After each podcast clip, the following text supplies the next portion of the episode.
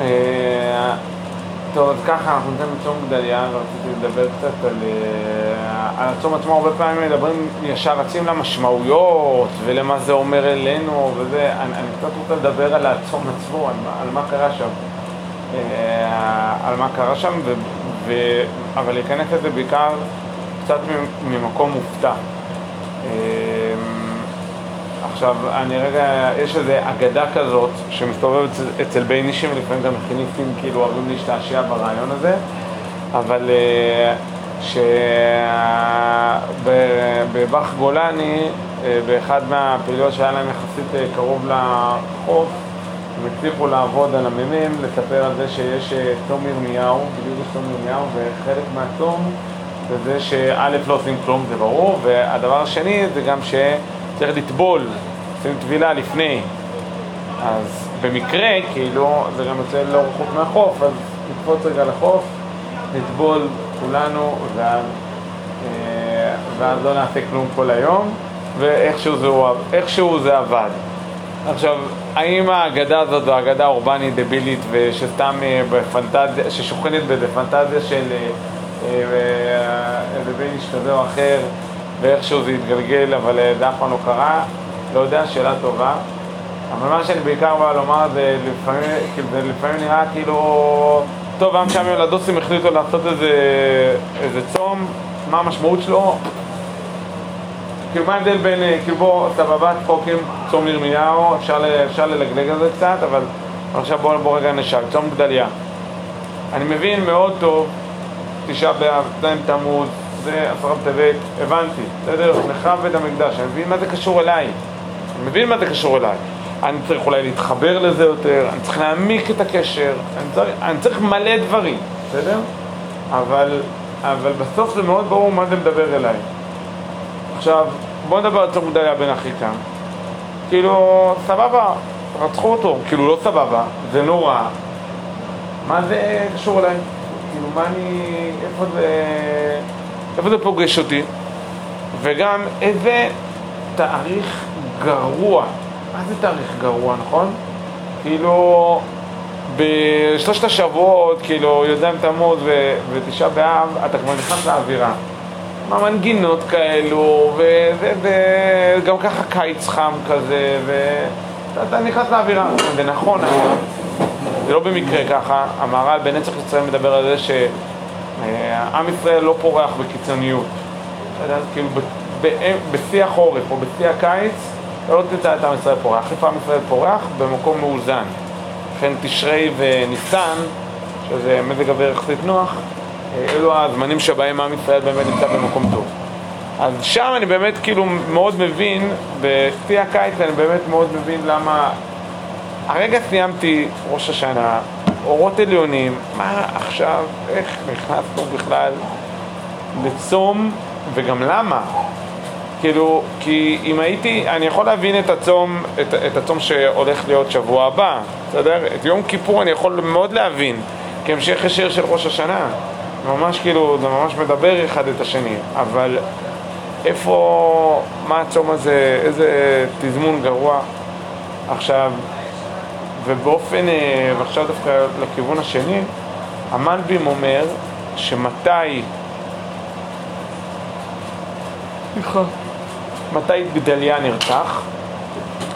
גדליה בעצם נרצח באלף תשרי, לא בגימל תשרי. אנחנו עכשיו בגימל, לא, הוא נרצח באלף. מה שעוד יותר מעצים את הקשר בין אה, ראש השנה לבין תום גדליה. אתה יודע? כאילו זה לא, זה לא רק ש, אה, שיש איזשהו קשר וצריך להבין אותו, אלא, אלא גם הוא, הוא ממש אפילו קרה באותו, באותו, בדיוק באותו תזמון. אז ממילא זה מאוד מחייב העמקה, מבחינה העמקה, הבנה של מה בדיוק קרה שם ועל מה בדיוק אנחנו שמים, בסדר? אז אה, קצת רקע לפני שניכנס לגוף המקורות, קצת רקע כדי להיכנס ל... ל... ל... במה מדובר. שוב, הוא נחרב בית המקדש. נחרב בית המקדש, נחרב בית המקדש הראשון. פעם ראשונה שזה קורה. ובחורבן בית המקדש השני, בעצם יש איזה כל הזמן תחושה, כבר ראינו בסרט הזה, בסדר? ובבית המקדש הראשון צריך להבין גם שגם ישעיה וגם ירמיה מתמודדים, וגם יחזקאל האמת, מתמודדים עם התפיסה כאילו שזה שיש לנו בית מקדש, זהו, אנחנו, אנחנו בטוחים. כאילו, יש לנו איזה מין עוגן כזה, זה ברור שהקדוש ברוך הוא איתנו. עכשיו למה? דמיינו רק את הסיטואציה, אתה נכנס קודם כל לבית המקדש, מבנה מרשים ברמות שקשה לתאם. יש אש תמיד שמגיעה מהשמיים, אש על המטבח. עקרונית, אל תביא עצים, עדיין יש אש. יש שכינה, עכשיו, זו אמירה מאוד כזאת מעורפלת, אבל, אבל אתה גם מרגיש את זה. יש אה, ארון, ארון הברית קיים, בבית המקדש השני הוא לא קיים.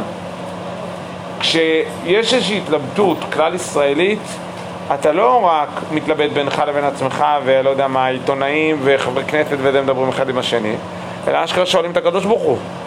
כאילו המלך מתלבט באיזושהי שאלה, הולך עם הכהן הגדול לתוך הקודש, פותחים את הפרוכת בכיוון קודש הקודשים, המלך שואל את השאלה בקול נמוך, ואז האותיות שעל, ה... שעל החושן פתאום מהירות, ובסוף הוא מקבל מזה תשובה. האם לצאת למלחמה כן או לא? כן, אבל זה, תתקפו מצד ימין. כאילו, זה אשכרה תשובה שקורית. אתה מרגיש בעצם שהקדוש ברוך הוא כל הזמן איתך. בהרבה מובנים זה קצת דומה כמו לילד בגן. ילד, אה, בדיוק עכשיו אנחנו, נכון, אה, בדיוק התחילו הלימודים, אז אה, הילדים שלי לא רואים בעיניים, ואבא, מה מצב להתראות? יאללה, סע, תשחרר אותנו. אבל יש ילדים, לא משחררים את ההורים שלהם. בסדר? כאילו, אתם יודעים, מחבקים אותם וזה, כאילו, אבא בא לשים את הילד שלו בגן, והילד לא נותן לו, לא מרפה ממנו. עכשיו, זה ב, ב, אולי קצת בעיה, אולי קצת מאתגר, צריך להבין בדיוק מאיפה זה מגיע, אבל אה, בהרבה מובנים בעצם ילד בגן אתה לא מצפה ממנו ללכת לבד, נכון? אתה כל הזמן איתו, הוא כל הזמן חייב לדעת איפה אתה ומה קורה איתך. אתן לכם דוגמה מאוד פשוטה. תנו לחבורת ילדים, תראו, ניסוי מחשבתי. אה, חבורת ילדים, תנו להם לשחק לבד. ילדים, גן כזה, משהו כיתה א'. עכשיו, אה, לבד לבד, אף אחד לא נמצא לידם, לא מבוגר, לא אף אחד. מה יקרה תוך חצי שעה, שעה, מה יקרה? מה? מה יקרה? יריבו, נכון? מה, כבר שכחתם את זה כאילו? לא, אחי, משהו, אחיינים. יריבו, בסדר? חצי שעה ממש ככה פרגנתי, חצי שעה של משחק בשקט שהם צחקו בלי עכשיו להחליט עם אף אחד וואו, זה מרשים. אני אומר, חצי שעה, בטח שעה, הם יגיעו אחרי כמה מריבות, בסדר? אותו דבר, קחו את אותה סיטואציה, רק תשימו שם מבוגר אחראי. אבא, אמא, אח, אח גדול, אחות גדולה, לא יודע, מישהו כזה שלוקח אחריות. מה יקרה? מה יקרה? מה? סביר להניח שגם אם יהיו מריבות זה יהיה פחות. למה? כי עצם הנוכחות של המבוגר, עצם זה שהוא שם, עצם זה שהוא מלווה אותך, כבר נותן רוגע וביטחון. ילד מקבל מכה, מיד הולך לאבא שלו, לאמא שלו, נכון? עכשיו, מה הוא מחפש? מה הוא מחפש? כשהוא קיבל את המכה, מה הוא מחפש? שמה? פתרון? לא, הוא לא מחפש פתרון. שמה? מכירים את הקטע הזה עם הנשיקות? מה הקטע הזה ש... למה, נכון, ילד קיבל מכה, הולך לאבא אימא ומקבל נשיקה. מה זה עוזר? יורד לי דם, מה זה קשור עכשיו לנשיקה? כי זה לא הסיפור. הסיפור הוא זה לא המכה, המכה הוא יכול להסתדר, אבל הוא צריך להרגיש שאתה איתו, זה מה שהוא צריך. הוא לא מחפש, את הפלסטר הוא יודע ללכת לבד. קטע מצחיק הוא, זה שאחד מהילדים שלי באופן קבוע, בשלב הזה, הוא היה מקבל מכה ונותן לעצמו נשיקה. מבין את הקטע? מתרגם את זה לעצמו. אבל, אה, אבל אה, זה בית ראשון.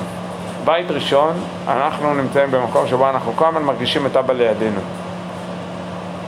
ואז לכו לילד בן ארבע, קחו ממנו את אבא. מילואים עכשיו חצי שנה, הוא לא רואה אותו לרגע. תקשיבו, זה, זה מפרק את הבית.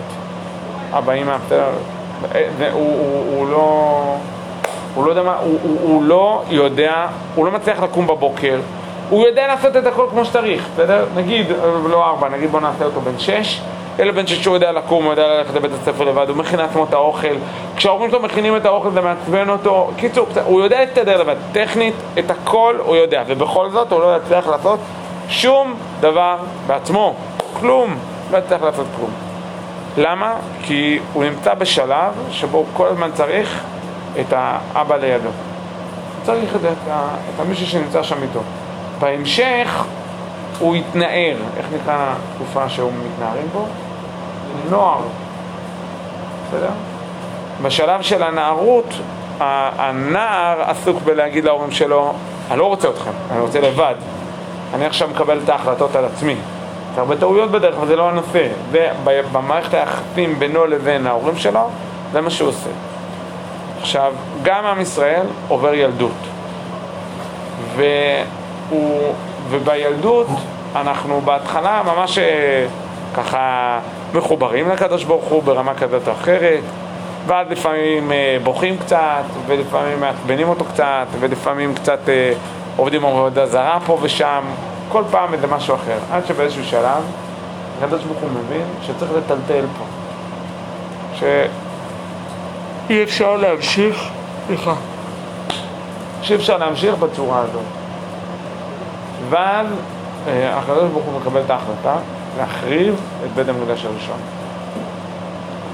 עכשיו, הוא לא מחריב את זה בצורה של, אה, לא יודע מה, אה, התפוצצות הרגה, שזה רק בית המקדש שזה, ובדיוק אף אחד לא נמצא שם באזור, לא, הוא לא עושה את זה סטרילי. הוא רצח נוראי, בסדר? מיליונים של אנשים נרצחו, אנחנו לא יודעים בדיוק מספרים כי לא כל כך תיעדו את זה, או לפחות התיעוד לא הגיע אלינו, אבל אנחנו יודעים שזה ברמה של מיליונים. ומיליונים שנרצחו, אתה שומע את הסיפורי זוועות של אה, נבוזרדן רב הטבחים, זה טירוף. אשכרה לקח אבן אחת בירושלים ושחט עליה מאות אלפי ילדים.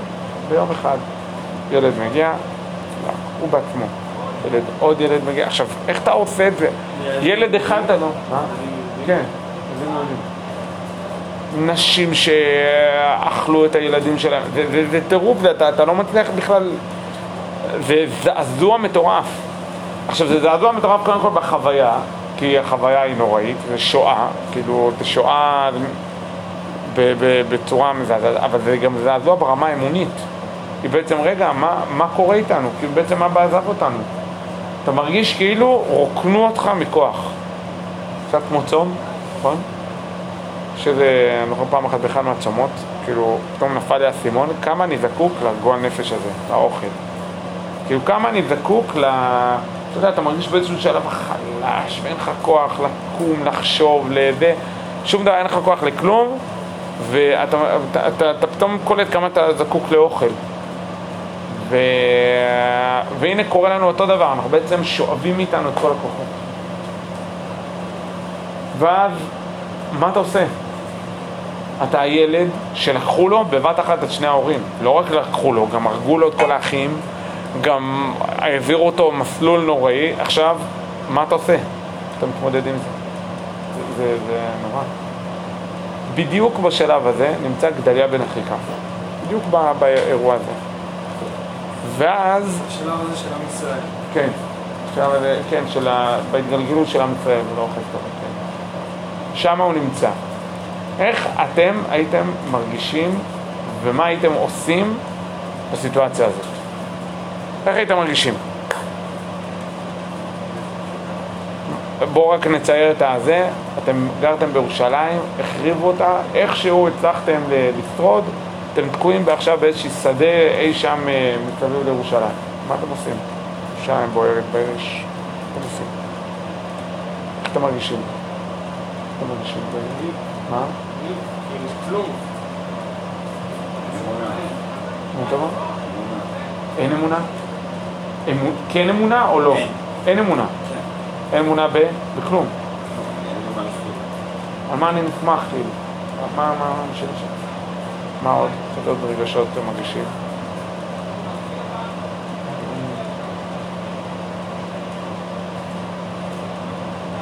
מה אתם עושים? קלטתם, הבבלים זהו הלכו, בגדול אתם לנפשכם, בגדול כאילו אתם חיים. מה אתם עושים עכשיו?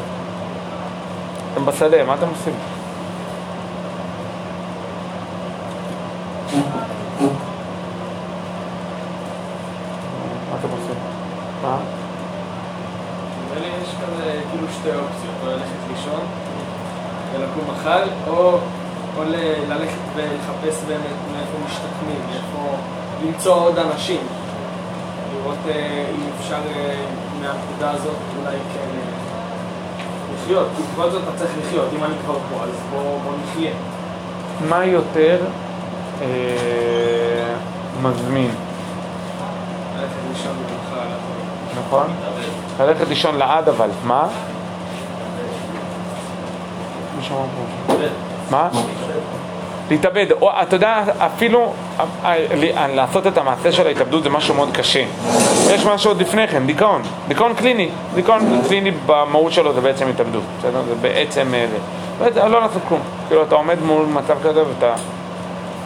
אה, אין לי מה, אין, אתה פשוט שבור. ואת האמת זה יותר מזמין, זה מה שיותר קורא לך להיכנס פנימה. עכשיו גם, אגב, יש בזה משהו מתוק, רק שתדעו. תכירו, יש משהו מתוק בלשחרר. כי אם אתה כל הזמן במאבק, אתה גם כל הזמן במאמץ, ואתה גם מאו- מאוכזב, אתה, אתה מרגיש שרוף מבפנים. וזה הרבה פעמים זה גם תחושה שמי שהגיע למצבי קצה, בעיקר, מספרים את זה בעיקר במלחמת יום כיפור. הרבה, כאילו אני אומר, מכל מלחמות ישראל, מלחמת יום כיפור יש הכי הרבה סיפורים שדומים לזה. אה, שבעצם חייל מוצא את עצמו פתאום אה, בלי כלום, אה, מצרים או סורים, לא משנה, מקיפים אותו, ועכשיו כל מה שהוא רוצה זה בעצם למות. כי הוא, הוא, הוא זה נעים וזה הזוי, אבל זה מה שנעים לו, כי אם עכשיו הוא ייאבק, איך תדע, מה, מה הסיכוי שלך, ואיך בדיוק תפתור את כל הבעיות, אין לך מים, אין לך, בקושי יש לך תחמושת, איך אתה תתמודד מול כל הסורים שמסתובבים ששורצים סביבך, איך אתה... כלומר, יש מצבים, וזה המצב, שבמצבים האלו בעצם אתה, אתה רוצה לשחרר, אתה לא רוצה לעשות שום דבר, אתה רוצה פשוט לישון, זה הגדרה יפה, אתה רוצה בעצם למות, בסדר? רק ל... בצורה כזו או אחרת. תמצא איזה כוך, תחיה שם את שארית חייך, אולי באיזשהו שלב תתאבד כן או לא, אתה לא יודע, יכול להיות, אבל בעצם זה המקום הנפשי שבו אתה נמצא. ועכשיו בואו נראה איזה עוד, עוד אפשרויות יש לעשות. בואו רגע נסתכל ב, במקום. ולקראת, אה, אמצע, זה אמצע סוף אה, ספר ירמיהו, בסדר?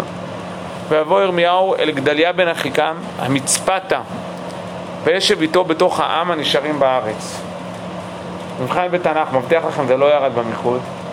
מצפה, מוכר לכם המקום מצפה? מוכר לכם? מוכר. מוכר, אתה זוכר אולי גם מאיפה? לא יודע, יותר קשה. או, מעולה. אתה זוכר גם מי התפלל שם? יפה, הוא קוני, אתה ב- בפנים. יפה מאוד, אז... אתה זוכר משהו? אוקיי, מעולה. מצפה לאורך השנים היה מקום, אנחנו לא בדיוק סגורים על איפה זה, אבל כנראה זה באזור אה, פסגות, מי שמכיר, בסדר? קצת אה, יהודה ושומרון, אז כאילו, כנראה צפונית לירושלים, כנראה אזור רמאללה, לא בדיוק סגור, יש כאלה שאומרים שזה באזור פסגות, יש כאלה שאומרים שזה באזור אה, אה, נביא סמואל, בסדר? זה באזור הזה. המצפה אנחנו יודעים שלאורך השנים היה מקום של הרבה תקווה. שמואל, כששמואל, כשרוצים להמליך מלך, שמואל קורא לכל העם למצפה. כששמואל רוצה לדבר לפני, לפני מותו, כשהוא רוצה לדבר אל העם, הוא קורא להם למצפה. אני אקפוץ עכשיו בכלל עוד הרבה דורות קדימה, המחנה של יהודה המכבי היה במצפה. וכששמואל רוצה להתפלל לקדוש ברוך הוא בסוף ימיו, רוצה להתפלל לקדוש ברוך הוא, הוא, הוא, הוא מגיע למצפה. זה היה איזה מין מקום שאגב, בקרבה יחסית מאוד, כאילו, אני אומר, מאוד קרוב לירושלים. מה שברור, חיבור, שמדבר על החיבור לקודש. אה, מקום גבוה, הרי זה השם שלו, מצפה, צופים, נכון? מקום גבוה. מקום שאפשר לכנס שם הרבה מאוד אנשים, ובמצפה זה מקום של תקווה. זה מה ששואבים משם. כי כשיש הרבה מאוד אנשים אתה, אתה רגוע. כשאתה לבד בשדה וירושלים חרבה והמשפחה שלך רצחו את כולם מול, לנגד עיניך, אז uh, אתה מרגיש בודד, וממילא משם עד לייאוש הדרך מאוד קצרה. ו... uh, אבל לעומת זאת כשאתה מאוחד כולם ביחד ואתה אפילו נמצא על מקום גבוה, המקום הגיאוגרפי הוא משפיע, אתה מרגיש, אתה על הגובה, אתה במקום טוב. אגב, גם ברמה הצבאית זה נכון, כי אם אתה במקום גבוה אתה יחסית מוגן, אתה יכול להתמודד יותר טוב עם האויבים שלך.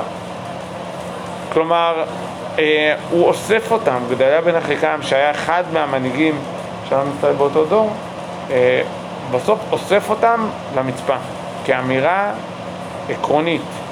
נכון, שבר מזעזע, אבל אפשר וצריך וחייבים להמשיך קדימה. לא, רציתי לשאול כאילו המצפה, מה זה, זה מין עיירה, זה מין סתם גבעה ענקית, מה...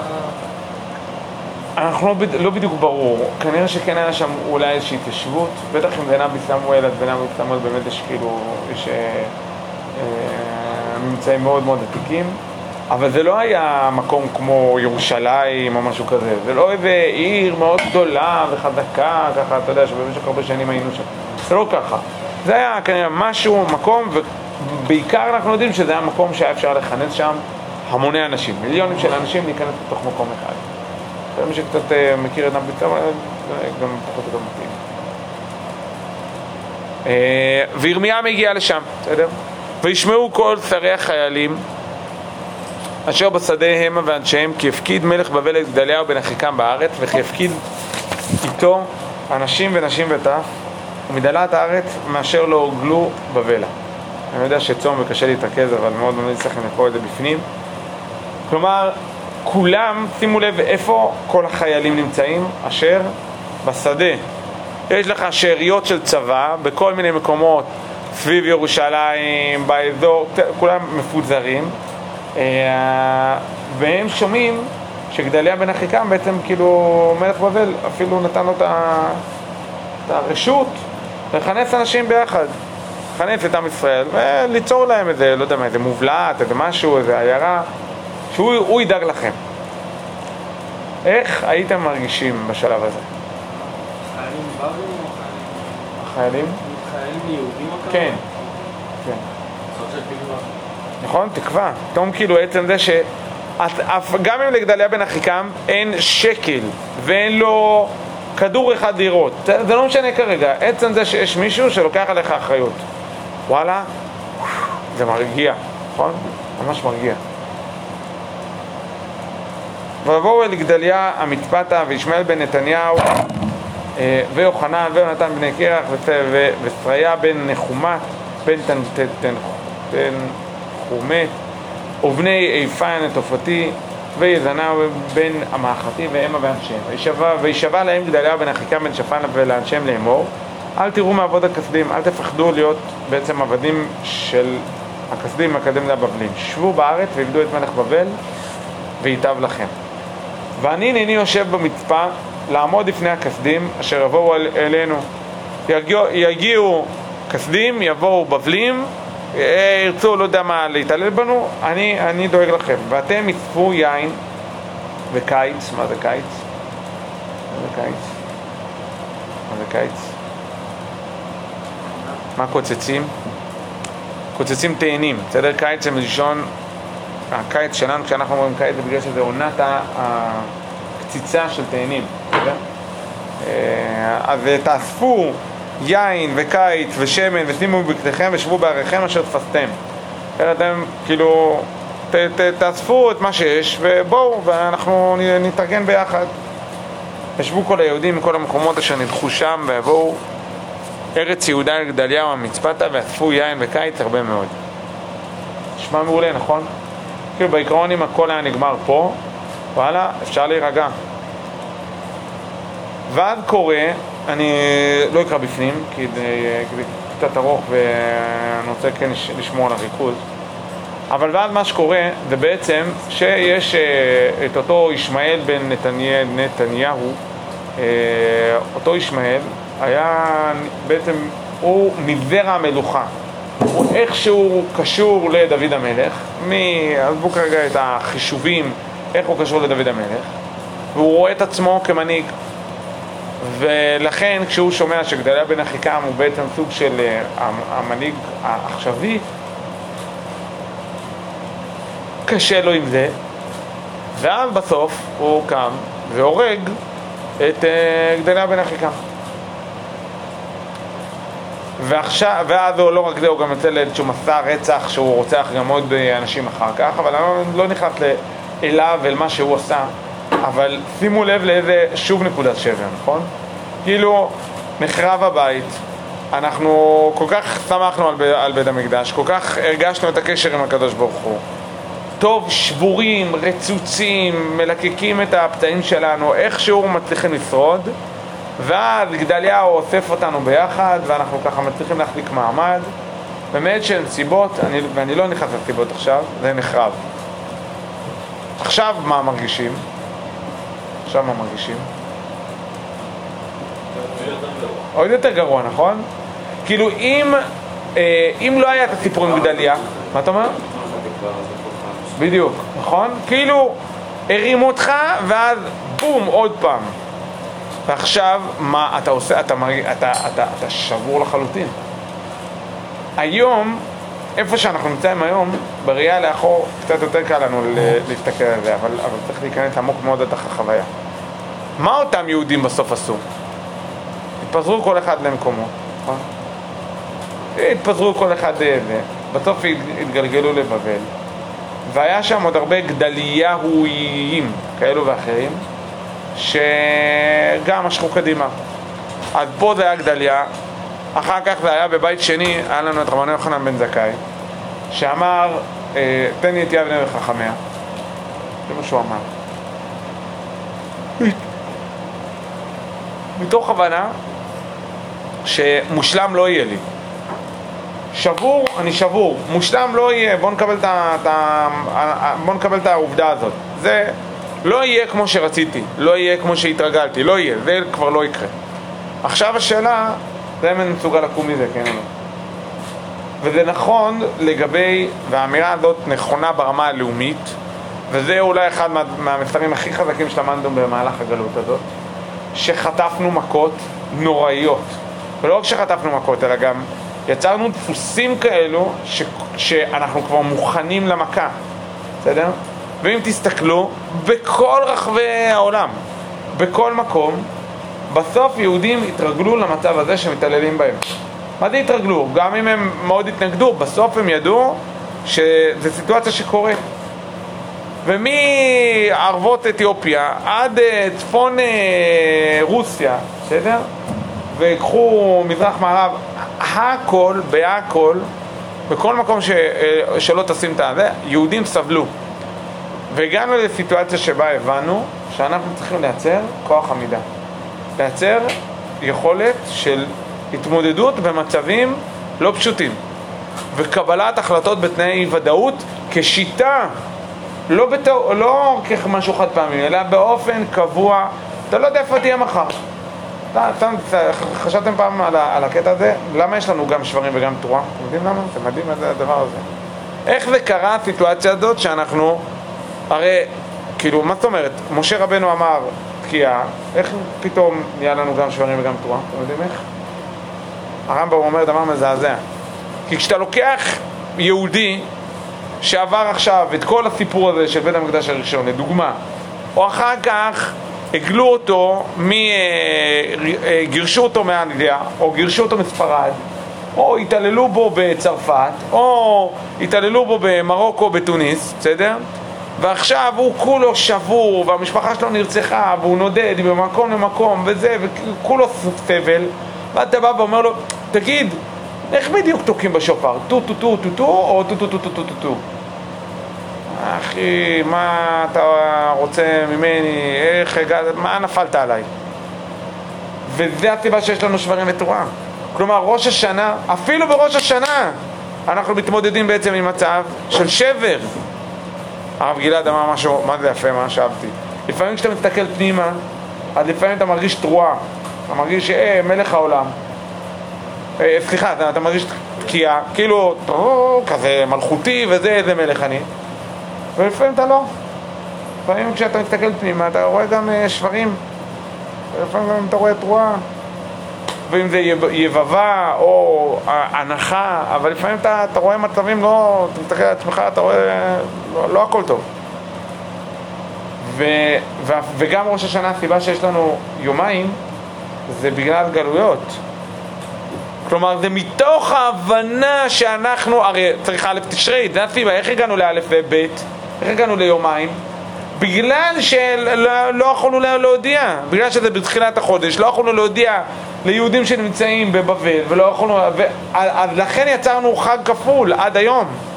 הבנתם? כלומר, קיבלנו בעצמנו את התובנה שצא מנקודת הנחה שיש שבר. יש קושי. הרב, מה היום, אומנם אה, היום אנחנו לא במצב שכנראה לא נגיע לשואה או צלב ודברים כאלה, אבל אה, מה עם העניין היום שגם יש פיגועים ופיגועים ופיגועים וזורקים אבנים ובקת"בים ועושים בלאגנים ואנחנו גם באיזשהו מקום כביכול סופגים את זה. כאילו אנחנו יודעים שזה יקרה, בדיוק כמו שהם מציקים ליהודים בגולה. אז זה נכון... יודעים שזה יקרה.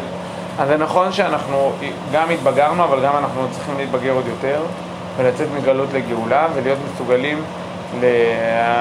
ל... להשיב מלחמה שערה ולא לפחד, זה נכון. ואחרי הכל, וזה אחד מהדברים שמאוד מאפיינים אותנו, אנחנו גם יודעים למשוך קדימה. וגם ביום שבו יקראו, יקראו, יתרחשו אצלנו אסונות נוראים, אנחנו נדע, נדע להתמודד עם זה.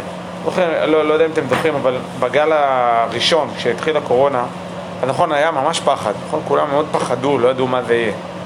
לא יודע אם אתם זוכרים, היה, היה שם גל של צחוקים, מה זה, כל עשר דקות מישהו הגיע עם עוד איזה מים, או עוד איזה בדיחה, או עוד איזה סרטון מצחיק, או שמשהו שקשור לקורונה. זוכרים, נכון? עכשיו, למה זה? וזה משהו קלאסי יהודי. זה, זה, זה יהודים, נמצאים במצב קטסטרופה, מתחילים להריץ על זה צחוקים. מה? נכון? זה כאילו מאבד את ה... מה אתה אומר? נכון, זה הומור שחור, אבל הומור שחור גם בעצם הוא, הוא, הוא מבוסס על, על כושר עמידה. על, כושר, על יכולת לעמוד מול אתגר לא פשוט. ו... מה? נכון, נכון. נכון, נכון.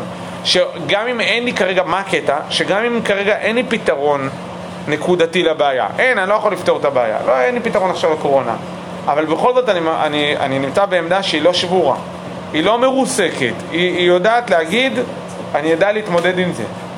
כמו בדיוק בסדר של התקיעות, שמתם לב? יש תקיעה, מרים, מרומם כזה, ואז שברים ותרועה, שרק אתה מרגיש כמה אתה הולך ומתרסק, אבל בגלל שאתה יודע שתהיה תקיעה גם אחרי, אתה יודע להתמודד עם זה.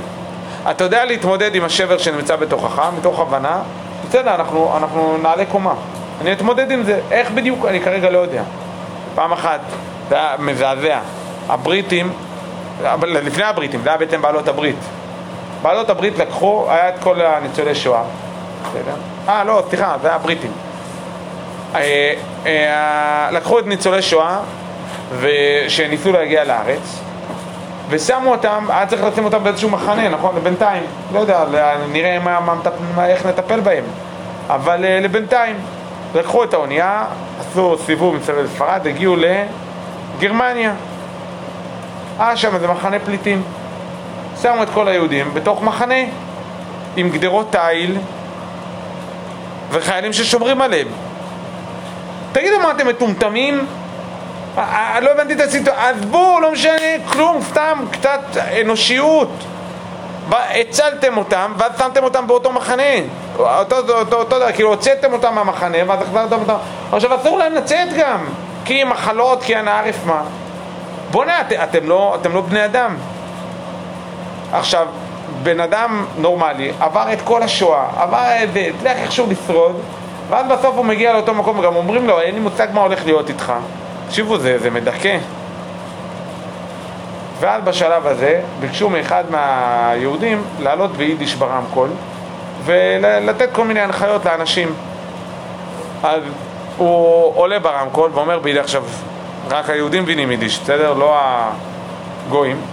אז, אה, אז הוא עולה ברמקול ואומר להם, תקשיבו, כל ש... הם, ש... הם עוד מעט הולכים לשאול את השם, השמות שלכם, תמציאו שמות, תבלפו שמות, זה לא אתם, בסדר? זה לא השם המדינה. התחילו זה, קיצור, קריצות אחד לשני, מה השם שלך? אדולף היטלר. טוב, אדולף... טוב, שם מוזר. מה השם שלך? הימלר.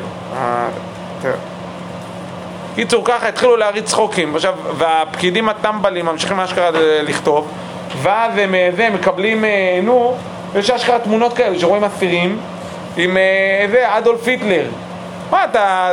קיצור, הם התחילו להריץ צחוקים, כל היהודים שם. עכשיו, אתה נמצא בסיטואציה הזויה, אתה מצליח ל... לשמור על, ה... על האווירה הטובה כמה שאפשר.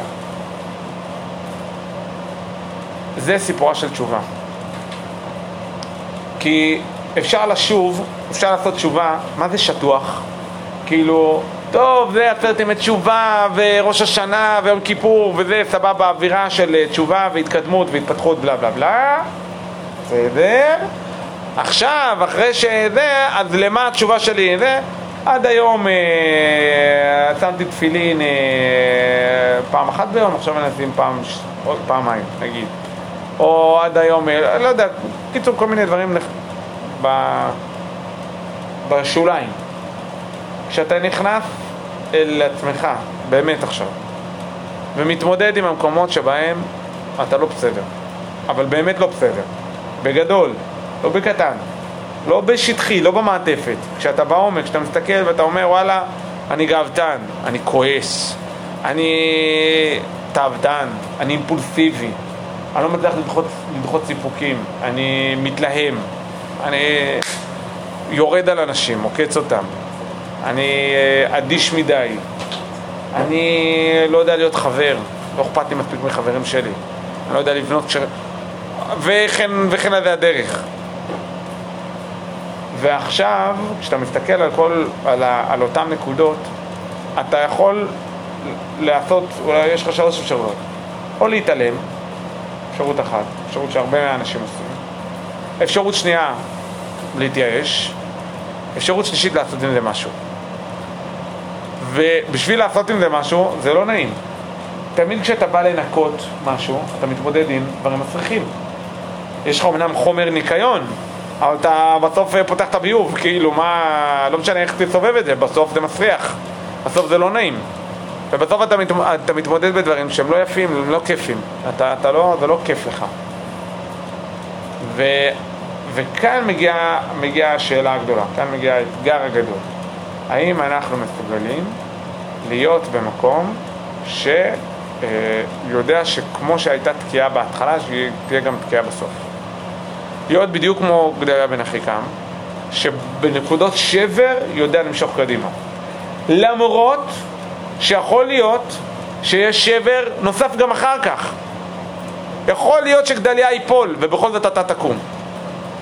יש פסוק שהרבה פעמים אנשים לא, לא מבינים אותו, שבע צדיק ייפול וקם. מה זה שבע ייפול צדיק? מה זה שבע? המהר"ל אומר שבע זה מלשון ריבוי, זה, זה, זה תמיד מגיע בהמון, כאילו כמו, להגיד, כמו שהילדים אומרים מלנת אלפים, זה, זה מלא. נפל מלא פעמים. אתם יודעים, גם רשעים נופלים מלא פעמים. רק מה ההבדל בין הצדיק לבין הרשע? הצדיק גם כאן. שהוא, אתה יכול ליפול אלף פעם, וכל פעם להביא תירוץ והסבר ולגלגל את האחריות אליו ולא לעשות את זה וזה ואלף ואחת דברים.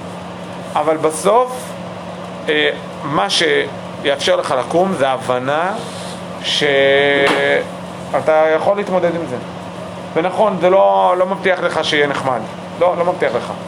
ולא מבטיח לך שזה יעבור חלק. לא, זה לא יעבור חלק, אבל זה יקרה. וברגע שזה יקרה, ברגע שזה יתבסס, אז uh, אתה תדע להתמודד עם זה. אז uh, יכול להיות שאולי עכשיו אין לך את כל הפתרונות. איך להתמודד עכשיו עם מידת הכעס? וואלה, שאלה גדולה.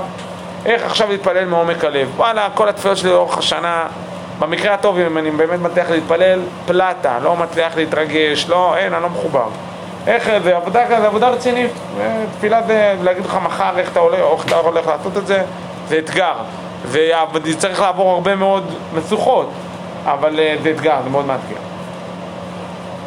ואם אתה מגיע מתוך תפיסה של גדליה, אם אתה מגיע מתוך מקום שאתה יודע איך להתמודד, איך כן לעבור התמודדות אה, ולצאת ממנה מחוזק, אז זה משהו שככה אה, אתה יכול להתמודד. אני חושב שדווקא הרצף הזה של יומיים של ראש השנה, ואז אחר כך יום של אה, צום, הוא, הוא, זה, זה, זה בדיוק בונה את זה. כי אתה, אתה הרבה פעמים בראש השנה מגיע וככה, אתה עף, ומרגש, ושמח, ובאמת, זה חוויה מעולה, מדהימה, ואז זה פתאום מוריד אותך לצום, צום שגם קשור לחורבן בכלל, כאילו מה זה קשור עכשיו? עברנו את תשעה באב, זה לא האווירה הנכונה. וזה דווקא זה. כדי להגיד, תקשיב, העליות המדהימות, תדע לך שהם גם יחייבו במוצאי העלייה, אתה תצטרך גם להתמודד גם עם מורכבות. אז זה לא באים לבאס אותך, לא באים להגיד לך, אה, לפנצ'ר אותך, אתה אל תתלהב, למה? כי אתה אחר כך תיפול. לא. אלא להגיד לך, מעולה, שיהיה ראש השנה, ותשמח, ותתלהב, ויהיה נפלא, ויהיה מעולה, ותדע לך שזה רק חלק מהעבודה. ושאחר כך יהיה צום, ואתה תדע, ואתה תקום עוד יותר גבוה אחר כך. יהיה לך יום כיפור, ואחר כך, ואחר כך יהיה סוכות, ותחגוג, ויהיה נפלא ומדהים. אבל, אבל אם לא יהיה את השלב שבו אתה יודע להתמודד גם עם השבר, אתה כמו אותו ילד בגן, שפתאום העלימו לו את ההורים, הוא עובד עצות. למרות שהוא יודע לתפעל את הבית בדיוק, הוא יודע לעשות את הכל כמו שצריך, אבל, אבל אתה, אתה תהיה חייב לבנות בתוכך את היכולת לעלות קומה, לגדול, להתמודד עם קבלת החלטות בתנאי ודאות. בסגר הראשון, אתם בסגר הראשון, כל הזמן שאלו אותי כל מיני שאלות. מה, למה לעשות ככה, למה פה, לא, לא שם. ואחד מהדברים כאילו שאנחנו בבחינה מאוד השתדלנו, זה למשוך קדימה. לא יודע מה יהיה. לא יודע מה יהיה. לא יודע, לא יכול להבטיח לך כלום. אבל היום אני יכול לעשות משהו, מעולה נעשה. אפשר לעשות זום? יאללה, עושים זום. אפשר כן להגיע, אבל עם כל מיני תנאים וזה, סבבה, מגיעים. מה, מה בדיוק נעשה? לא יודע. בואו, ממשיכים, העיקר להמשיך קדימה. וזה היה, ואז באמת כולם היו בשבר, כאילו, מה קורה פה, מה עושים עם זה, איך מתמודדים. אם היה לנו חולה קורונה אחד פה. אמ, אז אה, אה, כלומר, אה, בתנאי ודאות ובתנאי קושי אתה צריך לדעת איך לקחת את העוד צעד אחד קדימה. לא את הכל, לא להתחיל לבנות את בית המקדש, צעד אחד קדימה. ובעולם של תשובה זה הדבר. ולהגיד, נכון, אני שבור, נכון, יש לי חיסרון, יש לי כמה חסרונות בחיים, וזה אחד מהם. וקשה לי איתו, ולא פשוט איתו, ואני יכול להתעלם ממנו ואני יכול להרפות ממנו, ולעומת זאת אני יכול גם להתמודד איתו, ובהתמודדות יהיה לי קשה, אבל, אבל אני אוכל אה, לקום ממנו. אני מקווה מאוד ש, שזה יהיה, שהאיזון בין שני הדברים האלו, בין מצד אחד ראש השנה במקום המאוד עליון שלו, ומצד שני כאילו נפילה לצום גדליה, יהיה, יהיה משהו ל, לכל השנה, לכל תשפ"ב. שבכל השנה באמת אנחנו נגיע למקום שבו אנחנו יודעים לעלות ולטפס לגבהים מדהימים, ותמיד לדעת שיש שם עבודה, יש שם התמודדות, ולא לפחד בזה, ולתמוך בזה, ולהיות שלמים עם זה, מתוך מקום מאוד בוגר. זהו, שיש שנה טובה לכולם.